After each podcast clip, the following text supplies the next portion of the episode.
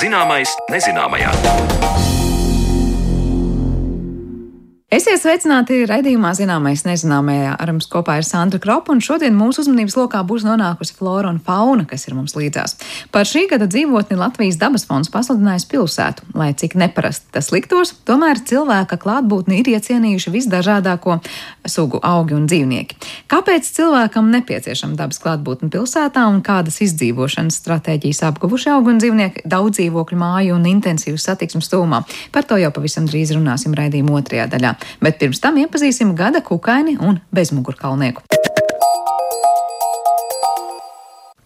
Mitrene un skujkoku diškoks un grauzes. Latvijas entomoloģijas biedrība šogad izvēlējusies šādus gada varoņus. Kāpēc mitrene ir biežs viesis pagrabos un pat vannas istabās, un kāpēc diškoks un grauzes ir retums Latvijas dabā, par to vairāk turpmākajās minūtēs. Vēžveidīgais, kas saritinās kā ezis, un skujkoku diškoks un grauzes, vabole ar mēlis mežģa vārdu. Tā no fonētiskā skatu punkta vēlos pieteikt šo tematu. Gada bezmugurkaulnieks ir bieži un daudz viet pamanāms dzīvnieks.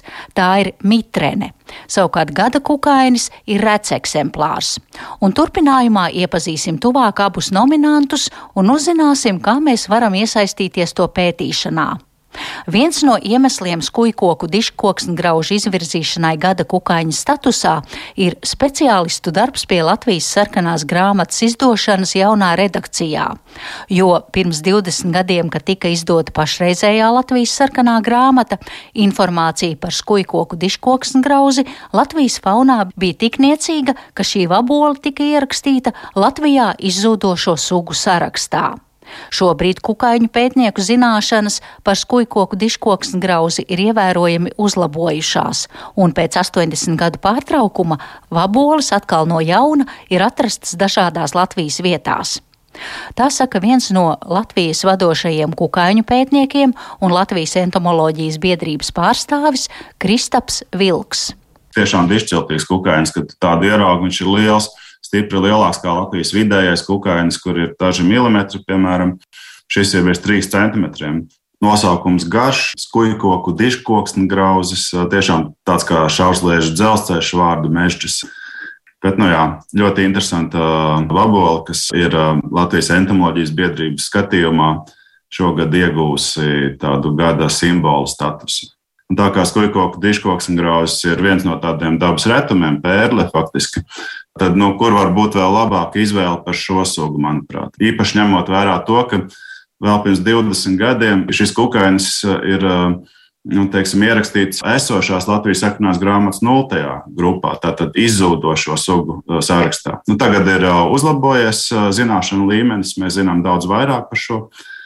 Bet nu, tā, tā bija viena no motivācijām. Otrs ir ka kopā ar dažiem kolēģiem Latvijas dabas muzejā un, un citiem mums ir radusies vēlme, tāda ideja popularizēt plašākā sabiedrībā koksnegraužu novērošanas jautājumu.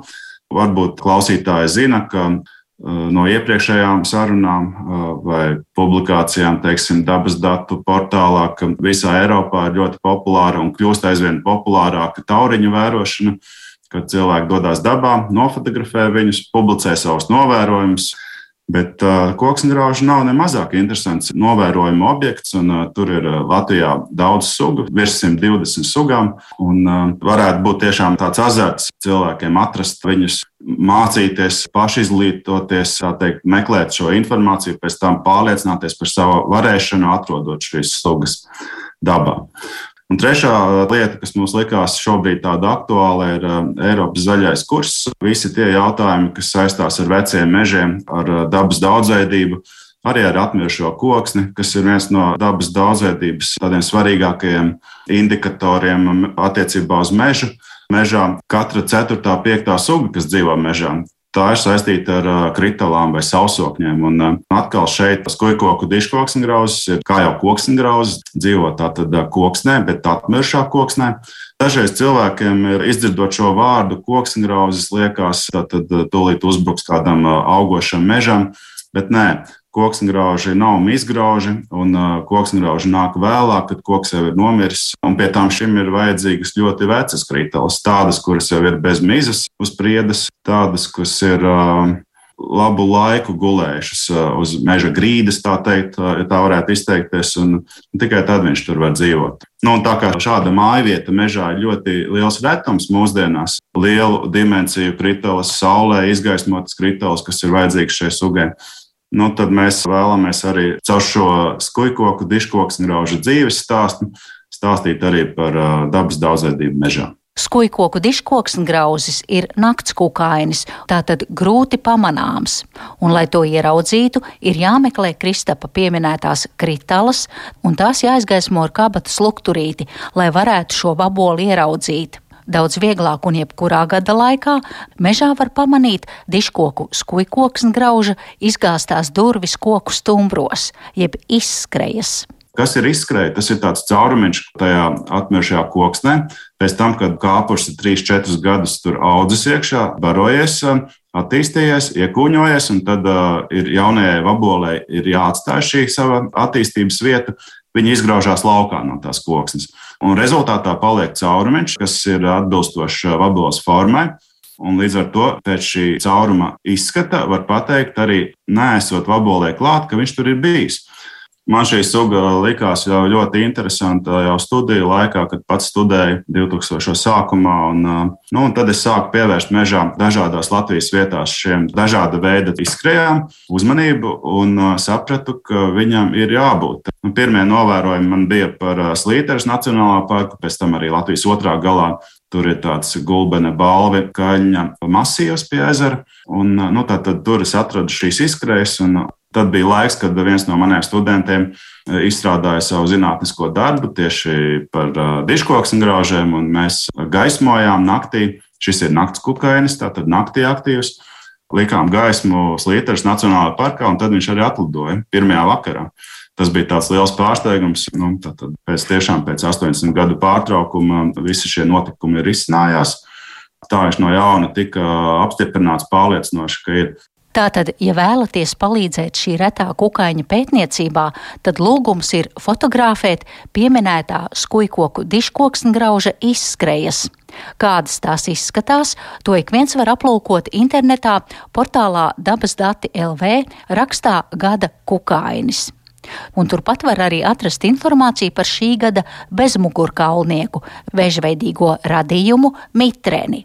Mitrenes ir visbiežāk redzētais vēzītis, jo sastopamas visos sauszemes biotopos un arī cilvēku mājokļos, malkas šķūņos un ēnainos pagalma nostūros. Visticamāk, tās izbiedējis vai pats no tām reizes satrūcies ir katrs, taču baidīties vai satraukties par savā ceļā sastaptu mitreni nav nekāda pamata.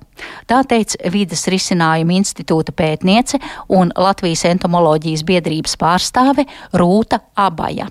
Pirmkārt, šis bezmugurkalnieks ir um, samērā bieži sastopams, un uh, visticamāk, ne visi cilvēki zina, kas tas ir. Un es esmu arī manījusi, ka cilvēki dažkārt izbīstās, vai viņiem liekas, ka tas, ko mēs nesaprotam, tas ir kaut kas kaitniecisks. Tad šajā gadījumā par mitrinēm ir tā, ka viņas patiesi nav uztveramas par kaitēkļiem, bet īstenībā par ļoti labvēlīgiem un vajadzīgiem dabas sastāvdaļu kā tādu. Jo mitrens pašs par sevi, tāpēc, ka viņas pārsvarā pārtiek tiešām no atmirušām augu atliekām, tad uh, viņas veicina augsnes barības vielu apriti, un nodrošina to, ka augsnē gan baktērijām, gan cēnēm ir ko ēst, un savā ziņā arī līdzdalīgas ir šīs augsnes auglības uzturēšanā un saglabāšanā. Jā, protams, ir varbūt reti gadījumi, kad tieši mitru apstākļu dēļ pagrabos vai varbūt pārmitrākās vasarās dārzos, kad vienkārši tur ir pārāk mitrs, tad viņas arī var gadīties, ka viņas pārtiek no kādiem augļiem vai dārzeņiem, kuri ir svaigi, nevis sākuši sadalīties, bet tas ir tikai šo mitro apstākļu dēļ. Jo mitrens pašs par sevi indicē tieši šo mitro apstākļu esamību, viņas pašas viņas to nerada. Man interesanti arī šķiet šī mitreņu īpašība, ka šie mazie radījumi briesmu brīžos saritinās kamolā kā tādi ezīši. Jā, tā dara viena daļa mitreņu. Visas uh, sugas uz to nav spējīgas. Tas ir mitrenēm arī atšķirās pēc ķermeņa uzbūves. Ir tā, ka vienas, piemēram, tur arī klasificē ir tādas, kas ir uh, aktīvi pārvietojās skrienot. Līdz ar to tās viņām tas ķermenis ir veidots tā, ka viņas negluži var tajā briesmu brīdī tādā perfektā lodītē saritināties, bet ir tādas, kuras tieši atkal spēj tajā briesmu brīdī tajā lodītē saritināties. Un mums Latvijā arī tādas ir sastopamas gan vienas, gan otras. Tā saritināšanās ir tas pielāgojums, lai pasargātu tos savus vārīgākos ķermeņa orgānus. Tās pašas, piemēram, žaunas vai žaunām līdzīgos veidojumus, kas viņām ir vēdera apakšpusītē. Un tad viņas tā saritinās tādā lodītē, pasargājot šos savus jūtīgākos orgānus. Skatot tālāk informāciju, ko portālā dabas dati jūs esat publicējusi par mitrenēm, lūkšu arī pastāstīt par to, ka mitrenes spēja paciest smago metālu piesārņojumu. Pastāstiet, kā mitrenes šos metālus uzkrāja savā ķermenī spēja absorbēt šo smago metālu piesārņojumu savā ķermenī. Tur ir tādi speciāli dziedzeri. Un tad ir pētnieki, kuri tad skatās un vērtē, jo tad pamazām tas materiāls smago metālu uzkrājās tur, un tad pēc tā, cik viņš daudz tur ir uzkrāts, var arī vērtēt, cik tad tajā apkārtējā vidē ir vai nav šie smagie metāli savienojumi sastopami. Savukārt pats mitrenes organisms spēja to kaut kādā veidā pielāgoties tā, ka šie smagie metāli paši par sevi viņam kā organismam nekaitē, bet viņi spēja šajos dziedzeros viņu noglabāt. Atkal savukārt mums kā pētniekiem tā ir iespēja izmantot šo viņu spēju kā tādu saudabīgu indikātoru, lai novērtētu tos konkrētās vidas apstākļus. Un tas arī ir savā ziņā priekšrocība atkal no pētniecības viedokļa, ņemot vērā to, ka ir daļa mitreņu, kas tieši, piemēram, ir pielāgojušās cilvēku radītā vidē. Un visbiežāk jau šie smago metālu piesārņojumi ir sastopami vairāk tur, un tur, tur tad arī ir vērts tieši šīs sugas izmantot un pēc viņām analizēt šos faktorus. Saskaņā ar informāciju saprotu, ka pasaulē mitreņu sugu skaits ir no 5000 līdz 7000, bet pie mums līdz šim ir konstatētas 20 mitreņu sugas. Es pieņemu, ka šis gada bezmkurkalnieka status arī varētu palīdzēt atklāt kādu jaunu sugu pie mums Latvijā. Jā, jo vairāk ir dati un jo vairāk ir informācijas, tas jebkurā gadījumā mums kā pētniekiem ir iegūms. Tāpēc arī ir aicinājums. Mums Latvijā kopumā ir vismaz droši zināmas 20 dažādas mitreņu sugas konstatētas. Un būtu jauki, ja mēs varētu arī izmantojot šīs bildes, ko cilvēki gada laikā iesūta. Ir tīpaši, ja viņi ievēro to, ka viņi nobildē gan viņu no augšpusītes, gan no apakšpusītes, gan uh, no priekšas, lai mēs varam redzēt, jo tas, kas ir svarīgi mitreņu sugu noteikšanā, ir gan tā ķermeņa forma, kāda viņām ir, gan kāda ir antenu uzbūve, gan galvas priekšpusē, gan aizmugurē ķermenim dažādas atsevišķas pazīmes. Un tad, lai mēs viņus varētu redzēt, ir ļoti labi, ja nobildē no vairākiem rakursiem. Un vēl ideāli, ja pierakstā kādā vidē tā mitrena ir konstatēta, jo arī mitrenes atšķirās pēc tā, kur viņas dzīvo. Ir arī tādas, kas dzīvo, piemēram, gan pļavās, gan mežos, un īpaši ir tādas, kurām patīk pat sevišķi kaļķēni augsnes apstākļi. Un, ja mēs to zinām, tad jau mums ir daudz vieglāk nošķirt vienu sugu no otras. Tas mums papildinātu vienkārši informācijas bāzi par to, kur kādas sugas un cik lielā mērā mums ir kopumā sastopamas no mitrinēm Latvijā. Tātad jauni aicinājumi dabas draugiem - pētīt un fiksēt mitrenes, kuras var sastapt cauru gadu, kā arī skatīt reto vaboli, skujkoku, diškoksni grauzi, vai arī tās atstātās pēdas kritālu stumbros. Un tādējādi ar saviem novērojumiem jūs palīdzat popularizēt un pētīt dabas daudzveidību un iespējams arī atklāt kādu jaunu sugu. Par gada kukaini stāstīja entomologs Kristaps Vilks un par gada bezmugurkaulnieku bioloģe Rūta Abaja.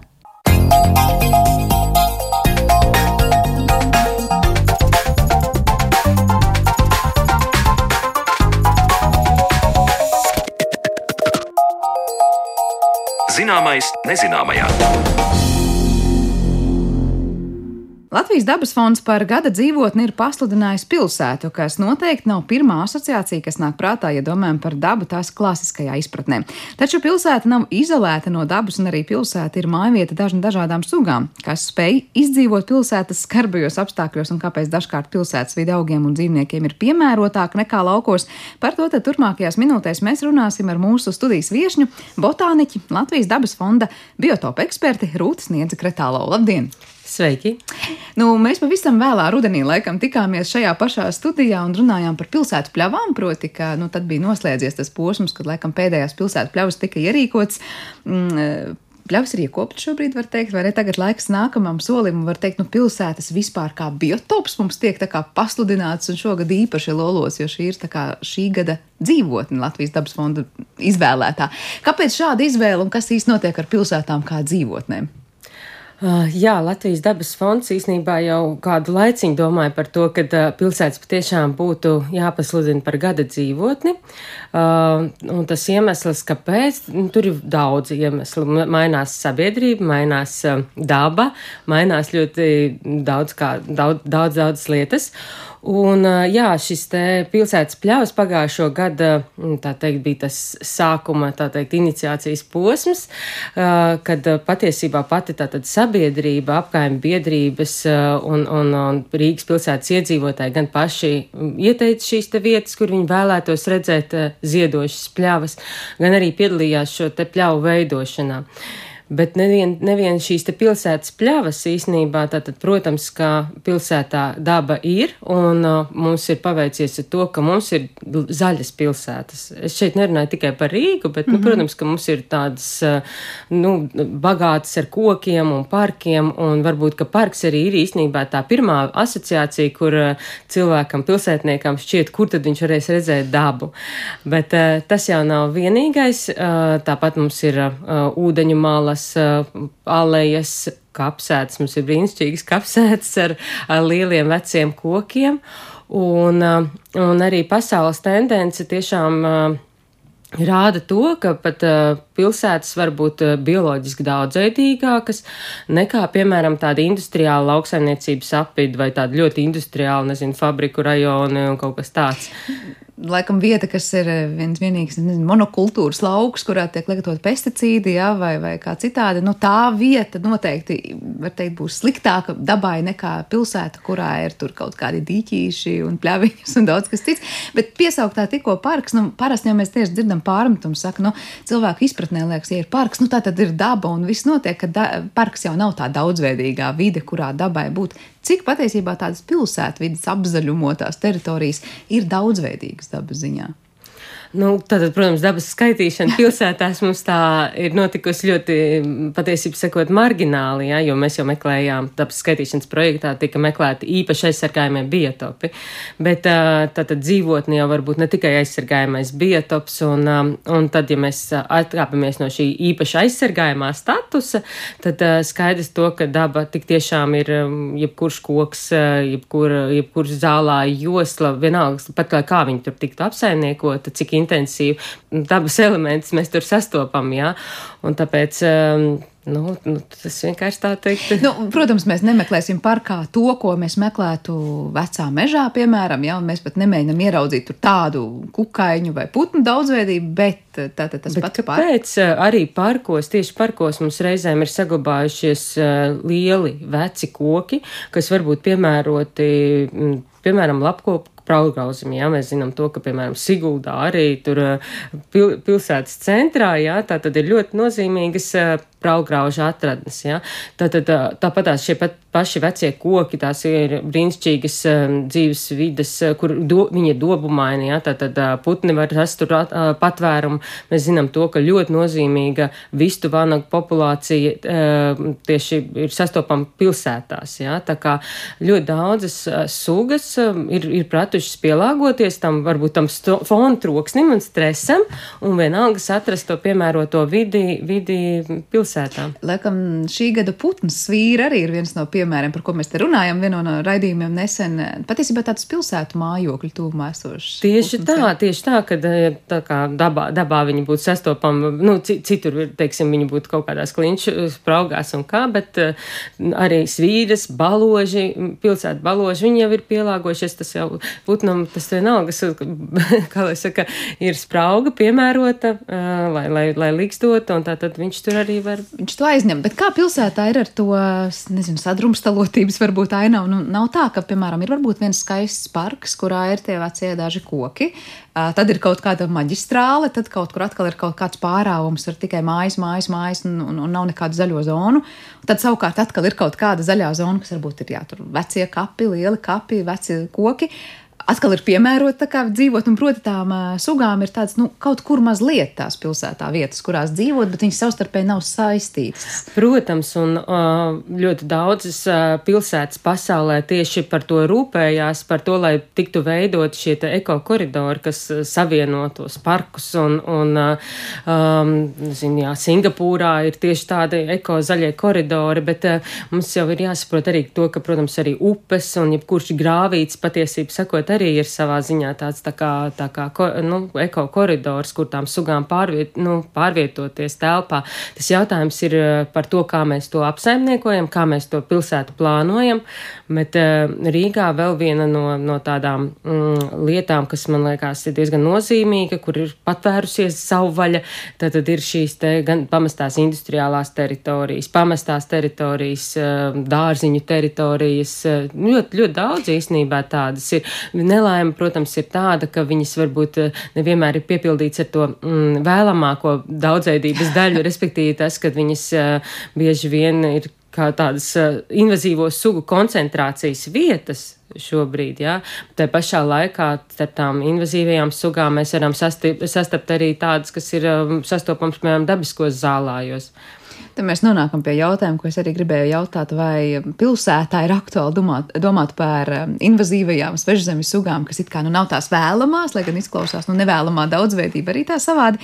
Uh, bet gribēju vēl vaicāt pirms tam, kuras Rīgā būtu tās vietas, kuras noteikti varētu nosaukt, nu, kad pilsētai kā dzīvotnē, lūk, te ir labs piemērs, nu, varbūt lielie kapi jau izskanēja, ja? Kuras vai industriālās pamestās teritorijas vai kas cits ir tas, kas uh, dabas, nezinu, skaitītājiem pat būtu interesanti. Nu, noteikti vēl arī mūsu pierīgas meži, jā, kas pa lielam, uh, tā teikt, tas ir mūsu kāpas, kāpu meži, jā, kuros, nu, piemēram, vēl 30 gadus apakaļ uh, bija ļoti daudz silpureņu Jā, tā tad uh, viņi bija tādi daudz saulaināki, un tad mēs redzam to, kā uh, laikam ejot, viņi eitroficējas, viņi mainās, viņi kļūst krūmaināki, tur parādās korintas, vairāk kļavas, un, un šie, šie apstākļi izmainās, un tad mēs redzam arī to, ka, piemēram, tiešām tās pašas silpurens, saulmīļas sugas, citas, jā, diemžēl iet mazumā. Tāpat arī mums ir, pieri, nu, ja runājam, piemēram, par pierīgu, jā, tad uh, mums ir arī ezeri, mums tur diez, diezgan krietni, krietni, krietnis daudzums ir. Un, piemēram, nu, ir zināms to, ka ķīšezerā kādreiz bija sastopams tās pašas ļoti vērtīgās oligotrofo augu sugas, un kas, diemžēl, protams, eitrofikācijas rezultātā ir izzudušas, bet, nu, arī ūdeņu, ūdeņu malas, paši ūdeņi arī ir tāda, tāda īpaša vide, un kas katrā ziņā es teiktu to, ka kopumā Rīgā, nu, protams, tas viss sadrumstalots, bet tāds īsti dabas vērotājs, un ja, ja mēs, protams, skatāmies tādas um, lietas kā ķērpjus, sūnas vai piepes, nu, noteikti mēs varam atrast arī, arī tiešām retos sugas. Arī ornitologi parasti saka, patiesībā pilsētā ļoti daudz interesantu arī putnu pasaulē var novērot. Tieši tā. Kā ar to Daugavu, kas sadala mūs, nu dažkārt liekas, varbūt šeit pat vecrīgas tūmā liekas, nu kas tur par, no, no dabas, jo tur liekas līdz pašam krastam te vai ir, ir, ir apbūve un, vai, vai ietve vai kas cits. Uh, otra puse, protams, liekas, nu jā, varbūt kaut kur tur Lucavas salā liekas, ir kaut kādas tādas oāzītes, kurā tu skaties, liekas, jā, tur varbūt dabai ir vieta. Kā ir ar Daugavu, vai mums tā daudz dod dabas kaut kādā daudzveidības klātbūtnes ziņā? Nu, nu, noteikti. Protams, ka um, Daugava arī ir nu, nu, ļoti nozīmīga. Pirmkārt, jau tur visas zivis iet un mēģina, nu, droši vien jau, ka vairs nemēģina tikt pāri Rīgas hesam skaidrs, jā, bet, nu, eh, skaidrs to, ka tur arī ir sa sava daudzveidības daļa, bet kas noteikti ir um, tas, tas negatīvais, uh, kā lai saka, ir tas, ka, piemēram, uh, ja mēs zinām to, ka mums uh, pēdējos, nezinu, 30, 40 gadus, kur mums Daugavā un vispār pierīgā ir bijušas kaiveidīgo kolonijas, ka tās ir, piemēram, nu, vienkārši viņas ir izzudušas, mēs zinām, preses nama jumtu, zīriņa kolonijas likteni un tam līdzīgi, tā kā tās, tās tie putni jau arī mēģina izdzīvot līdz pēdējam, jā, bet mēs esam to ļoti, ļoti pie tā piestrādājuši pie tā, lai, lai diem, diemžēl viņi, nu, kā lai saka, viņiem bū, viņi būtu spiest pārcelties kaut kur citur, bet, protams, vēsturiski te ir bijis, nu, tieši arī Daugavas tūmā ir bijis ļoti, ļoti nozīmīgs, nu, tāds, jā, putnu koloniju vietas. Bet var jau daudz ko darīt, lai tās putnu kolonijas te paliktu. Es saprotu, to pašu jumta segumu var izvietot tādu, kas vairāk atgādinās, nu, tos, es nezinu, kaut kādus piekrastes solīšus vai kaut ko tādu. Nu, protams, bet tas ir atkal droši vien tad ir jautājums paceļās. Tas, cik, kas un kādu dabu mēs vēlamies redzēt. Es neesmu pati, neesmu ornitologs, jā, bet, nu, noteikti zinu to, ka cilvēki nav apmierināti par uh, sudrabkājām, kas kliedz uz. Nu, kurš ir daudz, kas saka, man patīk. Jā, jā. Vai, vai par to, cik daudz mums ir pilsētā sastopamas vārnas, jā, bet tas ir vairāk varbūt ir jautājums par to, kā mēs vispār pilsētā, ko, kā organizējam dzīvi, kāda ir mūsu, piemēram, atkrituma apsaimniekošana, kādas ir mūsu atkrituma urnas, ja, ja tām eh, vārnām nebūtu pieejama tik daudz, tik tik ērti pieejami šie, šie mūsu atkritumi, kur viņas uh, lieliski atrod sev, sev to, ko viņām vajag, tad, tad varbūt tās tā pilsēta, nu, viņ, viņas arī nebūtu tik daudz. Es domāju, tad, tad tas ir vienkārši vairāk arī par tādu gudro plānošanu. Uh, Te tika piesauktas tās industriālās pamestās teritorijas. Es domāju, nu, kas ir tās sugas, kas kolonizē šādas vietas? Vai mēs runājam par tādu nu, krūmāju kaut kādu pat ienākšanu, vai nu, parasti ir tās ainavas, ja, kas parādās mm. veca pamesta ēka, tur neviens nekad nav ilgi jau nācis, un tad tur ir kaut kādas. Nu, protams, krūmi, tur ir pārsvarā, nu, tās tur, tur jau tādās industriālās teritorijās, nu, nu nevajag īpaši gaidīt tur reto, retās, reto sugu ienākšanu. Pārsvarā tās ir dažādas nezāļas sugas un tās pašas invazīvās sugas, un, kā mēs redzam, tur uz jumtiem jau sāk augt bērzi un jebkas, bet uh, interesanti ir tas, ka, piemēram, jā, Ņujorkā šī slavenā Skyline, uh, vecā tā kā dzelzceļa metro līnija, jā, kas daudzus ga, uh, gadu desmitus bija pamesta, tā teikt, un tiešām savvaļi tur ņēma uh, pārsvaru, un, un cilvēki to, to pamanīja un ievēroja, un tagad tas ir attīstīts par vienu no tādiem nu, ļoti kolosāliem unikāliem uh, vides objektiem, un viss rajons ir uzplaucis tieši tāpēc, ka savvaļa bija ienākusi, tad nāca kolosāls ainava arhitekts, un tā vide pilnībā pārvērtās, un tās, nu, tās pašas, kā lai saka, īpašam cenas tur ir uzaugušas milzīgi, un tieši tāpēc, ka tā vide ir tāda, mm, nu, patīkamāka, mums vispār nu, cilvēkiem tas ir, tas ir ļoti nozīmīgi, tas, ka redzēt kaut kādas, nezinu, kaut vai dobes, jā.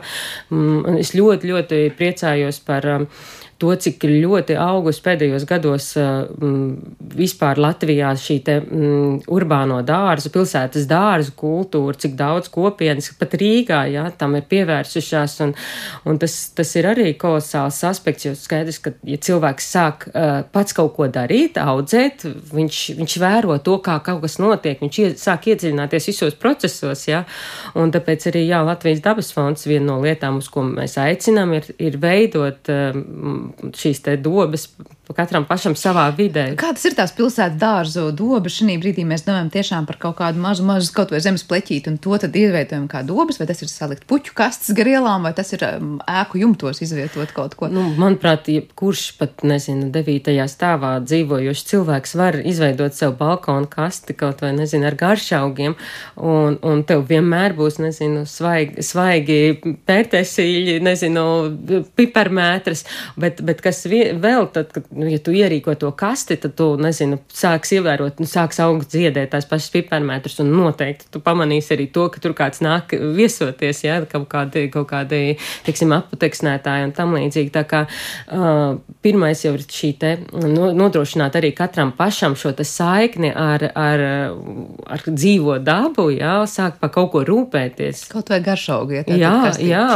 Bet es saprotu, nu Rīgā ir diezgan daudz vietu, no kurienes arī dažādiem aputeksnētājiem apmeklētājiem doties un nākt, jo kaut vai šie paši urbānie biškopības stāsti mums ir diezgan populāri. Zinu, ka Latvijas dabas fonds arī diezgan, laikam, ciešā sadarbībā bijis. Uh, nu, vienkārši tas, ka jā, vienā no, no pilsētas pļauju talkām mēs tikāmies, jā, ar, ar, ar arī, kā lai saka, biškopi, kas, kas imantā tieši vāc medu, un viņas medus ir atzīts par ļoti, ļoti labu, un, tā teikt, viņi arī noteikti nesūdzējās par to, ka bitēm tur nebūtu ko ēst. Efekti. Jā. Tā kā, uh, un, un vēl kas ir, uh, atkal, kāpēc tad tieši pilsētas, uh, kā, labi, pilsētās mēs zinām, nu ir savu veidu piesārņojums, jā, bet tomēr pilsētas ir tā vide, kur, kur netiek varbūt tik ļoti izmantot pesticīdi, kaut kas tāds, kas, kas tiek izmantots, piemēram, industriālajā lauksaimniecībā, jā, tā kā savā ziņā tur varbūt tās aputeksnētājiem patiešām varētu būt labāka nākotne, kaut kāda, kaut kāda nākotnes cerība. Tur kā liekas, jā, cerības stariņš tajā pašā laikā, es domāju, nu smagiem metāliem, kas ir, un Rīga ir mums slavena ar savu slikto gaisa kvalitāti, jā, un es domāju, ja tur blakus ir kaut kāda arī,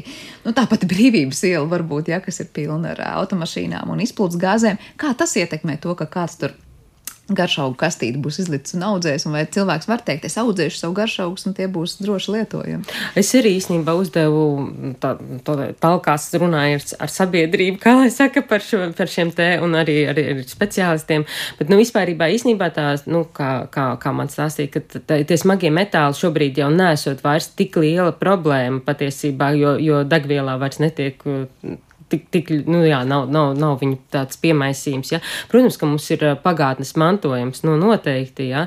bet, piemēram, tā biško, kas, kas audzē, kas, kas vāc medu imātas apkārtnē, viņa teica to, ka nesot nekas slikts tur konstatēts, tā teikt.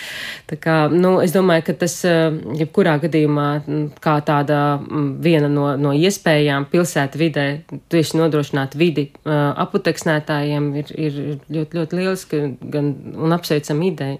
Jā, te jau katrs, kurš satraucās, var arī sev nolikt kādu pārvietojamo gaisa kvalitātes mērītāju blakus, vai ne, un skatīties, labi, jā, kas notiek. Jo, jo vairāk cilvēki iedziļinās vispār tādos procesos, tas ir kolosāli, jā, ja viņus tas uztrauc, un, un, un ja viņi to mēra, un varbūt par to ziņo arī. Mēs te runājam par to no estētisko, varbūt arī, nu, protams, iegūmu, ja tev ir savu garšaugu kastīti uz balkonu vai uz, uz palodas, jā, bet tā, kā ir ar tiem dabas risinājumiem, ko patiesībā pilsētā mēs varam ieviest, lai, nezinu, mazinātu kaut vai izmešu daudzumu vai pilsētu nepārkarst. Vienkārši vasarā es saprotu, dažāda apstādījuma nozīme ir nu, līdz galam nenovērtēta. Šobrīd. Nu, es domāju, ka noteikti mēs nekādīgi nevaram to. Mēs, nu, es domāju, reti, reti, kurais mēs apzināmies to, cik mums dod tiešām mūsu, mūsu zaļās zonas patiesībā dzīves kvalitātes uzlabošanā, jo tas tiešām. Nu, 30 grādi vasarā, kas mums ir nu, jau gandrīz norma, jā, tad, tad, tad, tad tā nav, tās nav tikai ēna, jā, bet um, arī šīs te zaļās teritorijas, ka viņas ir spējīgas uztvert uh, lietus ūdeni kaut vai, jā, ja mums viss ir nobruģēts, tad vienkārši mums ir tā, ka mums ir pārplūdušas ielas un, un, un uh, tā teikt, notekūdeņu sistēmas nespēja to visu uzņemt, jā, bet jo mums ir vairāk šī dabas pamatne, kad, kas spējīga uztvert kaut vai šo pašu lietus ūdeni, un pie tam arī lielā, lielā mm, daudzumā gadījumā īstenībā arī attīrīšanas funkciju veikt. Ja? Tā kā tam, tam ir ļoti liela nu, ekoloģiskā nozīme šīm te zaļajām zonām. Tad, nu, protams, mēs katrs varam just, ja karstā vasaras dienā mēs esam tur, kur ir tikai asfalts un ēku fasādes, ja mēs noteikti jūtam, ka ir daudz karstāk nekā ja blakus Tieši mums ir tā. skvēriņš kaut kāds. Bet par to attīrīšanu te mēs runājam, mēs zinām, parasti mēs piesaucam niedrājus vai ko citu ierīkošanu, proti, ka mēs ar vai konkrētiem augiem varam panākt, ka tā augstnē esošā kaut kāda varbūt piesārņojuma daļa tiek nu, noņemta, ja tā var teikt, vai attīrīta. Cik lielā mērā mm, Latvijā pilsētās mums būtu jādomā par šiem risinājumiem un kur tur darām pietiekoši, nepietiekoši, vai kādi būtu tie nu, vēlamie, nezinu, ainavas elementi, kas ļautu to vidi padarīt tīrāku? Nu, cilvēki jau ir aktīvi, un man ļoti liels prieks par to, ko varēja redzēt šovasar, pagājušajā vasarā, piemēram, Pētersalā, nu, Andresalā, Pētersalā, kur, kur augnīca tieši bija veikusi, nu, tātad, skaistus saules puķu stādījumus, un saules puķi patiešām ir viens no tiem augiem, ko izmanto fitoremedācija. Tas process saucās tas, kas ka, tātad, ar augiem tiek izņemts jā, augsnes piesārņojums īstenībā ārā no augsnes, un viņi tiek atvesaļot. Tā kā tas kaut kādā mazā, mazā varbūt mērogā šobrīd, bet tātad jau cilvēki ir aizdomājušies par to un jau veids. Tas ir, man liekas, tiešām kolosāli un apsveicami. Un atkal estētiskais apvienots ar liederīgo. Protams, viņas izstījās brīnišķīgi. Kuri vēl augi būtu tādi? Tādi, kuri varbūt nu, izteikti būtu vēlami pilsētu vidē, lai veiktu tādu attīrošu funkciju. Nu, Saulespuķis ir viens ļoti uzskatāms piemērs. Tāpat tās arī par pīpenēm ir pētījumi par to, ka pīpens eh, ļoti labi samazina, kā lai saka, spēju uz, paņemt no augsnes, piemēram, um, naftas piesārņojumu, jā, bet um, tad ir arī tas jautājums, jā, cik daudz pārsvarā īsnībā, tad, kad iet runa par šo fitorementāciju, tad pārsvarā, cik ir pēt, pētījumi lasīt, tad tur vairāk ir kaut kādas kultūra, aug, kultūra augus izmanto, tur uh, grauda augus un tam līdzīgi mazāk ir tādas, uh, tiešām tādas saules puķis vai pīpens, kas arī estētiski ļoti, ļoti spilgti un skaisti izskatās, jā. Bet tas ir, man liekas, tikai laika jautājums, kamēr mēs, kā lai saka, sapratīsim, kurus, kurus uh, augus uh, gan no estētiskā viedokļa mēs varam izmantot uh, vēl un vēl šā, šāda te procesa veikšanai. Tā kā nu, tā ainava solās, ka varētu būt arvien dauddzveidīgāk pilsētā. Nu, pasaules tendence uz to iet un noteikti to rāda. Jā, jā par pasauli runājot, tiešām saka, ka tās pilsētas var kļūt vairāk, kā jau mēs te sarunu sākumā ieskicējām par tādu nu, ilgtspējas saliņu, ja, kurā patiesībā ļoti daudz kas notiek pat labāk nekā varbūt ārpus pilsētas, ja tur ir kādas industriālās teritorijas. Un es saprotu, ka pat lielās megapolis ir paziņojušas nu, tiešām tādus ambiciozus mērķus kļūt par to, ka nu, tu te vai nacionālā parka ja, virzienā iet un iekopt ar vien vairāk teritorijas, kur tai dabai pilsētā būtu vieta. Bet ko pašai dabai nozīmē tā cilvēka klātbūtne tik tuvu, vai var teikt, tur ir īpašas sugas, kas spēs pielāgoties, un var teikt, nu, tur būs tādi vai nu stiprākie, vai gluži otrādi tie neprasīgākie pret vides kaut kādām kvalitātēm, nu, pret, es nezinu, augi, putni, kas var dzīvot pilsētā. Ar ko viņiem būtu jārēķinās, ja tik tuvu ir cilvēks ar visām no aizrietošām nu, sekām? nu, nu, tā tad šobrīd mums nav, nav jau īsti vajag tā, tāda liela apkopojuma veikt, bet, nu, tā tad, kā mēs redzam, tiešām, piemēram, nu, piemēram, tas pats vistuvānaks, ja, kas visur citur ir kļūst jau rēts, ja, viņš tomēr ir spējis kaut kā pielāgoties un, un atrast to savu dzīves vidi, pilsētvidē.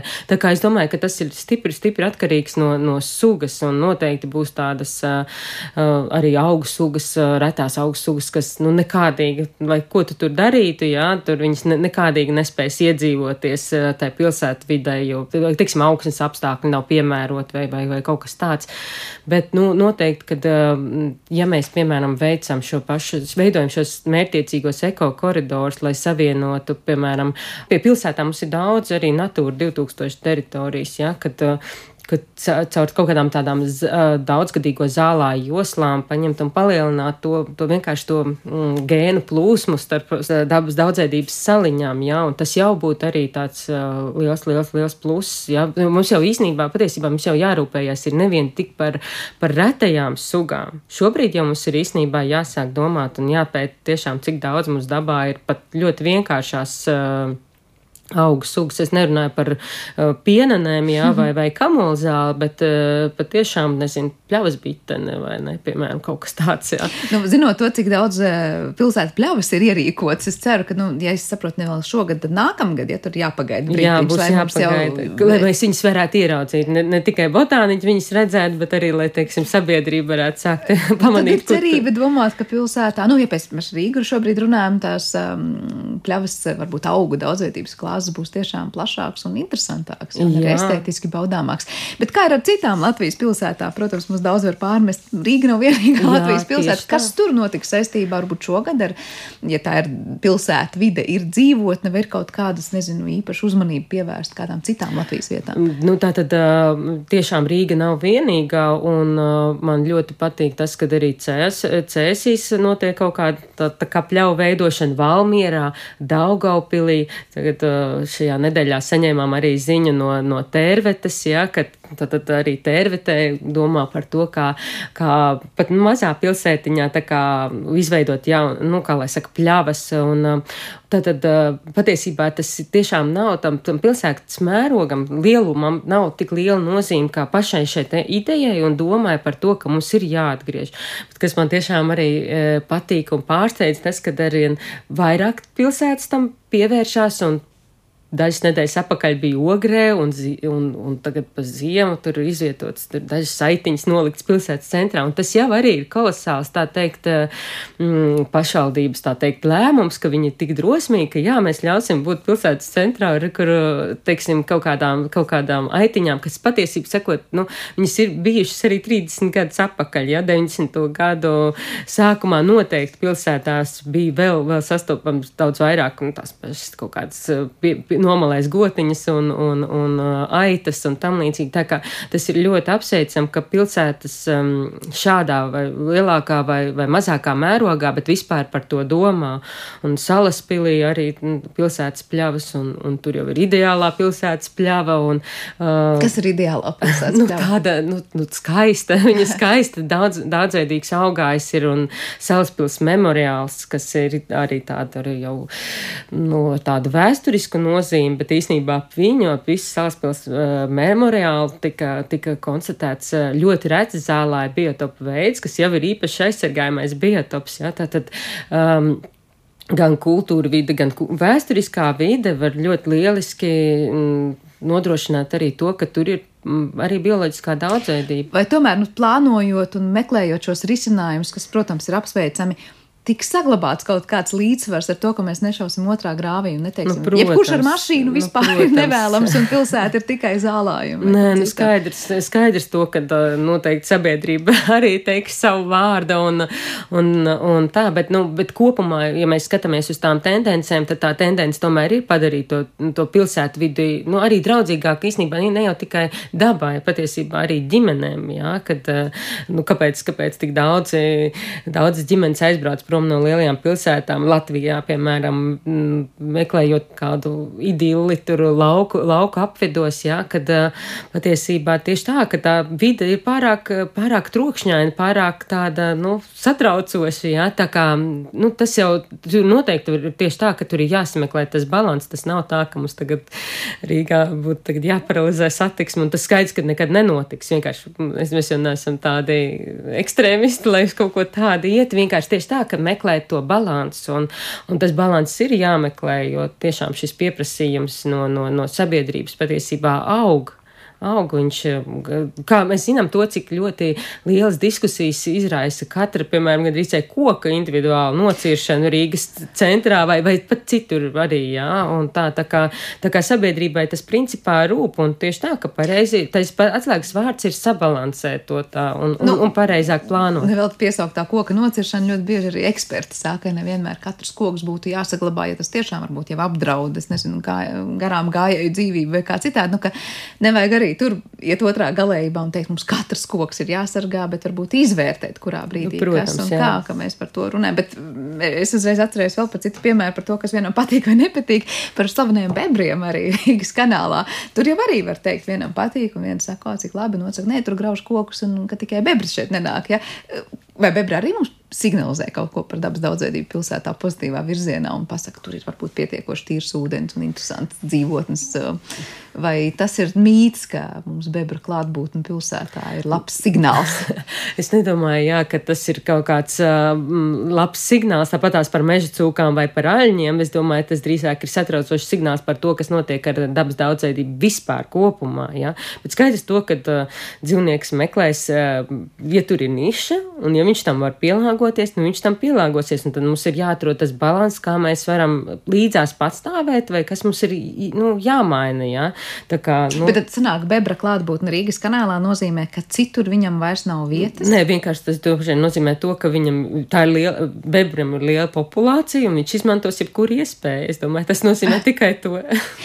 Noslēdzot šo sarunu, tad mēs jau daudz runājām par to, kas arī citviet Latvijā, nu tiek aicināti domāt par to, ka gada dzīvotni mums ir pilsētvide un tajā daudz ko var ierīkot. Vai ir kādas konkrētas darbības, ko mēs varam gaidīt šogad? Es nezinu, Latvijas dabas fonds, ko rīkos vai ko aicinās cilvēkus atkal iesaistīties kādās ļaus ierīkošanas talkās vai kā citādi. Kas, kas notiks šī gada ietvaros? Uh, nu, tātad, protams, Latvijas dabas fonds turpinās rūpēties par uh, ierīkotajām pilsētas pļavām. Tāpat tās arī mēs, uh, cerams, arī attīstīsim uh, šo te sadarbību ar vairākām vēl citām pilsēt, pilsētām Latvijā uh, un, un, un turpināsim iesaistīt sabiedrību. Un tas, ko uz, uz ko šobrīd, šobrīd tagad aicinam Latvijas, nu, Latvijas dabas fonds aicina, tas ir um, nu, tātad uh, ierīkot šīs te garšaugu dobas. Uh, vērot dabu, ziņot par dabu dabas datos, ja, un kas vēl viens būtisks aspekts ir, nu, īstenībā šī te komposta veidošana. Es tieši biju vaicāt, vai tu nebūs par kompostu. Kas... Jā, komposts ir, ir, ir milzīgi nozīmīgs īstenībā aspekts, jā, kad mums ir jāaicina cilvēks to, un, un īstenībā arī pilsētai būtu jādomā par to, kā pilsētām ir jādomā par to, kā ļaut cilvēkiem to darīt, un, un tas arī tas ir vesels milzīgs process, ko mēs kaut kādā brīdī kaut kā bijām kaut kā aizmirsuši vai kaut kā nu, nolikuši kaut kā malā, bet, bet pie tā mums ir vienkārši jāatgriežas arī. Nu, ko interesants gads mums solās būt, un es ceru, ka tiešām daudz no nosauktā mēs visi kopā darīsim, un katrs atsevišķi un visi kopā, un tiešām tā ainava pilsētā, vienalga, vai mēs runājam par Rīgu vai kādu citu Latvijas pilsētu, kļūst arvien tāda krāšņāka, daudzveidīgāka un arī, nu, tiešām pašiem patīkamāk. Paldies par šo sarunu Botāniķu un Latvijas dabas fonda biotopa eksperta Rūtas Niedz, Kretālau šodien viesojas pie mums eh, raidījuma zināmais nezināmajā studijā. Ar to arī raidījums ir izskanējis, un par to šoreiz rūpējās producenta Paula Gulbinskā, skaņu režijā bija Kristīna Dellerims kopā klājas Sandra Kropa, bet mūzikas redaktors šai stundai bija Girds Bišs. Mēs tiekamies jau atkal rīt un atgādināšu, ka šo un citu zināmais nezināmajā raidījumus varat klausīties arī populārākajās podkāstu vietnēs. Uz tikšanos!